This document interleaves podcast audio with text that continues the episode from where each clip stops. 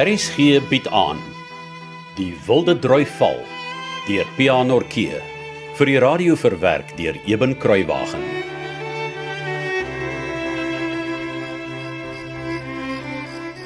Ja, maar is nat hoor.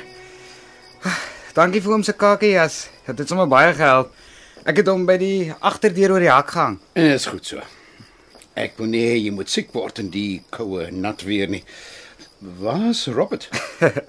Hy was bietjie minder gelukkig as ek. oom. Ja? Hy het in 'n poel water beland op pad terug. Hy trek dit gou droë klere aan. Thomas Wieman. Uh, oom Frank, Ja. dink oom het reën op Hoekplaas ook. Dit lyk vir my so. Ek weet nie, Johannes. Maar ek sal my min verbaas as dit daar ook reën. Want ek moet sê die wêreld lyk vir my amper donkerder daar na Willowmore se kant toe as in die kloof af. Jy weet, dink jy's reg, Johannes. Dit reën nie net hier oor die onderkloof nie. What do you say, Barney? Oh, no, I agree, Mr. Campbell. Ek dink dit reën oor die hele Pavians kloof. I'm I'm just happy for the farmers. Hulle het nou daarom lank genoeg swaar. Ja. Ja, nou goed oom. Ek gaan kyk hoe ver is Robert. Maar dood reg, Johannes. En dankie dat jy die eetgoed vir die Simons geneem het. Dit is 'n groot plesier oom Frank. Oh, what a wonderful lad he is. Eh? Ja, ja. And very mature for his age, actually. Ek is so bly sy ouers het hom hierheen gestuur. Hy is 'n baie goeie kind. If I had a son, Ja, Barney? I don't know. Forget it. What I really wanted to say was as die Grootbek Yankees nog net wil ophou praat en die Allied forces join on this side of the Atlantic voor die somer kom. Nou praat jy. Die Duitsers is te sterk vir die Franse en die Engelse.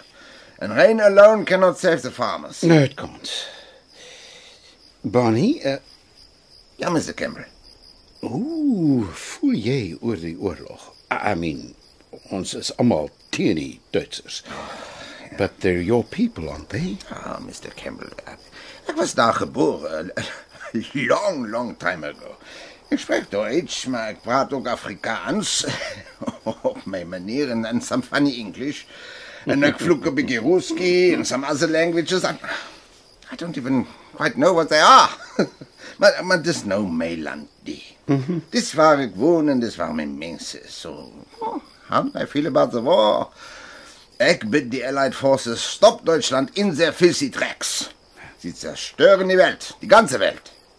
Ek verstaan alles wat jy sê, Barney. But, but, but you lost me at the end. Oh, entschuldige mich bitte. Ik doe diezelfde ding met die sinds als ik excited raak. Ik zeg maar niet, die, die Allied Forces moet die Duitsers stop, because they, they're destroying the whole world. Ja, my vriend. Dit is ongelukkig waar wat jy sê.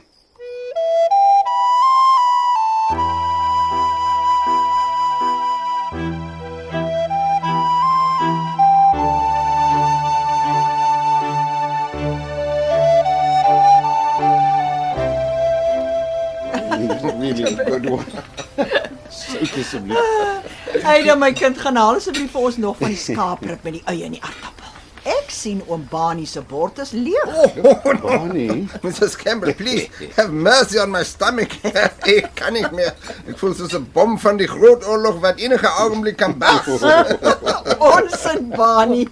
Aviva en Ruth is vir 2 weke in Port Elizabeth. Jy moet eet terwyl jy kan anders gaan jy honger ly. Ek weet jy het baie blikkies kos in daai winkel van jou, maar jy kan nie die hele tyd net daarvan lewe nie. Oi, weh, Mrs. Campbell. Die Kost ist wunderbar und sehr schmecklich. Maar ik zal niet weer van die tafel kan opstaan als ik nog moet eten. Nonsense, Barney, old friend, you must eat. Maar, maar hoe het julle buurvrou altyd gesê toe jy nog 'n kind was op Sewefontein, Martha? Eet, daar's nog baie in die kombuis. maar Flossie, jy het mos wonderlike nuus van die skool se biblioteek waarvan net ek en Eida nog weet. Ag, sê 'n bietjie vir hulle.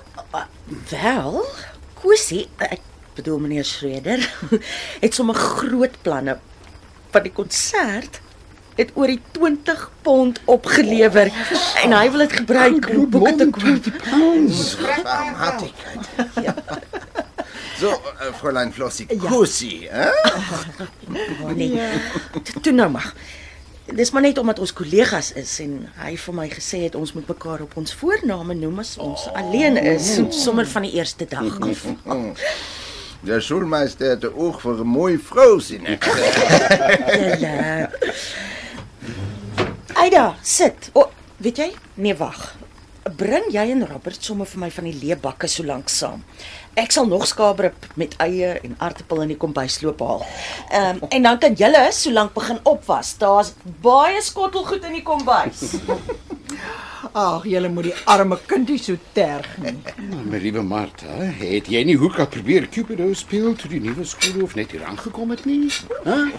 Ek weet nie waarvan jy praat nie. Ek net sê moet herinner.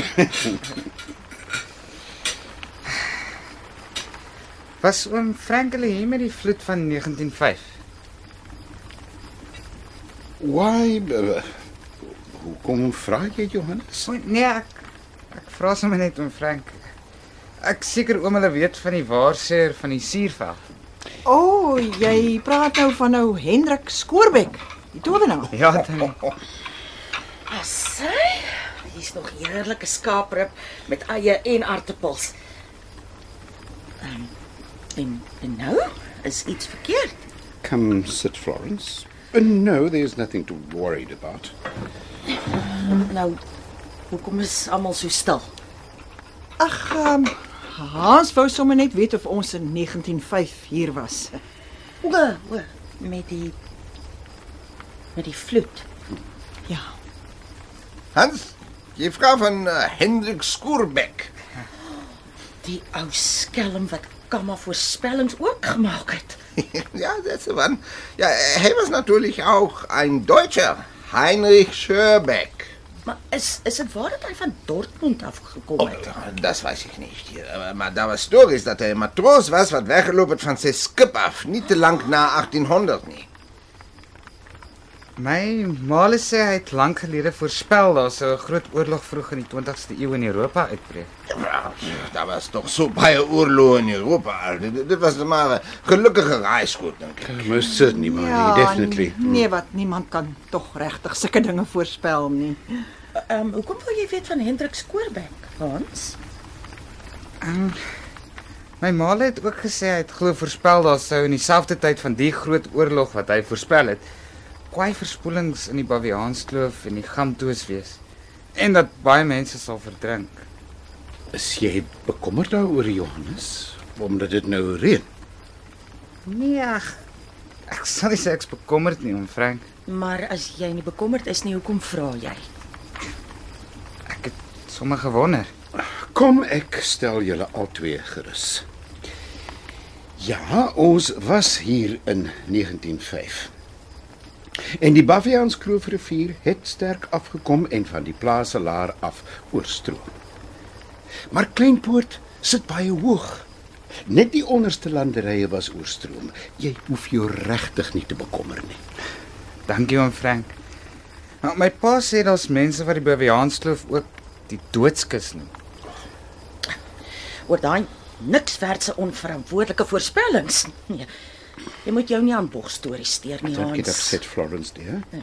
Die naam doodskus is maar net oor die vorm van die Baviaans kloof. Dis reg. My pa sê die Winterhoek en die Kougaberge loop nêrens meer as 1 of 2 myl uitmekaar uit nie. En hy sê mens kan nêrens in die hele kloof uitkom na die Groot Karoo of die Lang Kloof wat reg langs aan die Baviaanskloof lê nie. Net aan sy bo of sy onderpunt. Fauler Bengel, jou, jou vader was helemaal recht. Dit is waarom ik maar min verre. Ik laat die transportreis alles naar mij toe brengen. Het is baie minder gesukkel en moeite voor mij. Ja, toe ek nog op vlakplaas op skool was, het meneer Schreder een keer in Adrikskunde vir ons vertel. Die Baviaanskloof is vandag hier omdat stormwater oor baie eeue afgespoel gekom het tussen die Winterhoek en Kougaberge en toe so sloot in die rotse gevreet het. Want die water is baie sterk, sê meneer Schreder. Ja, ja. Dit is. Ek het een keer toe ons na ouma Polly toe gekom het getel. Die harde pad loop 45 keer deur die Baviaanskloof rivier. Baie interessant, Johannes.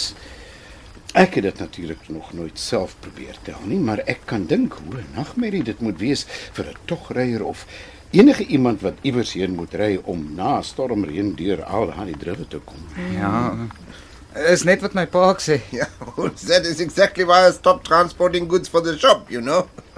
Baie keer is die water te hoog and you can't get through. Dis waarom Bani. My pa sê mense raak op die manier baie maklik afgesny van alles en almal weerskante van twee druwe. En dis hoekom dit baie gevaarlik kan raak as die rivier afkom en jy is nie by die huis nie. Ja. Maar Hans, wie ek dink ons het nou genoeg morbiede stories gehoor van waarsêers en oorloë, en verspoelings en dinge. Ja, nee, o genade. Ek jammer. Ek het nie bedoel om jou aan te bederf nie. Nee nee, ons en Hans. Wat vir ons? Jy het dit glad nie bederf nie. Wel aarde. Ek het so amper vergeet. Uh, oom Bani, ek het ook nog iets vir oom om te eet. Het ek die stomme kind nou weer ontstel? Ag nee, natuurlik nie Flossie. God, I think the boys really worried about rain and al die domme zeug wat hy al gehoor het. Ja, maar Frank, ek dink jy die seun daar mooi gerus gestel. Ek hoop so. Ja, du hast bestimmt. Al eet oom net een dun snytjie brood, maar van hierdie tafel af mag oomie opstaan voor oom nie van Hoekplaas se spekboom heuning geproe het nie. Oh, smutsige Täter. baie, baie dankie. Jou ombani se maag gaan bars, maar hierdie heuning moet inproef.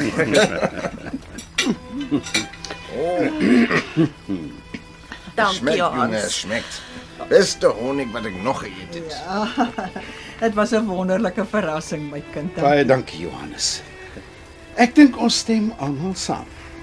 Ons het nog nooit geurige heuning as hierdie heuning van Hoekplaas geëet nie. Dis waar. Dis food for a king. Ou, Kirikop het nou wel gesê die heuning is net vir my, maar hy sal nooit weet wat hy vanaand vir ons gedoen het nie. Ek wens dit hy was hier om dit te sien.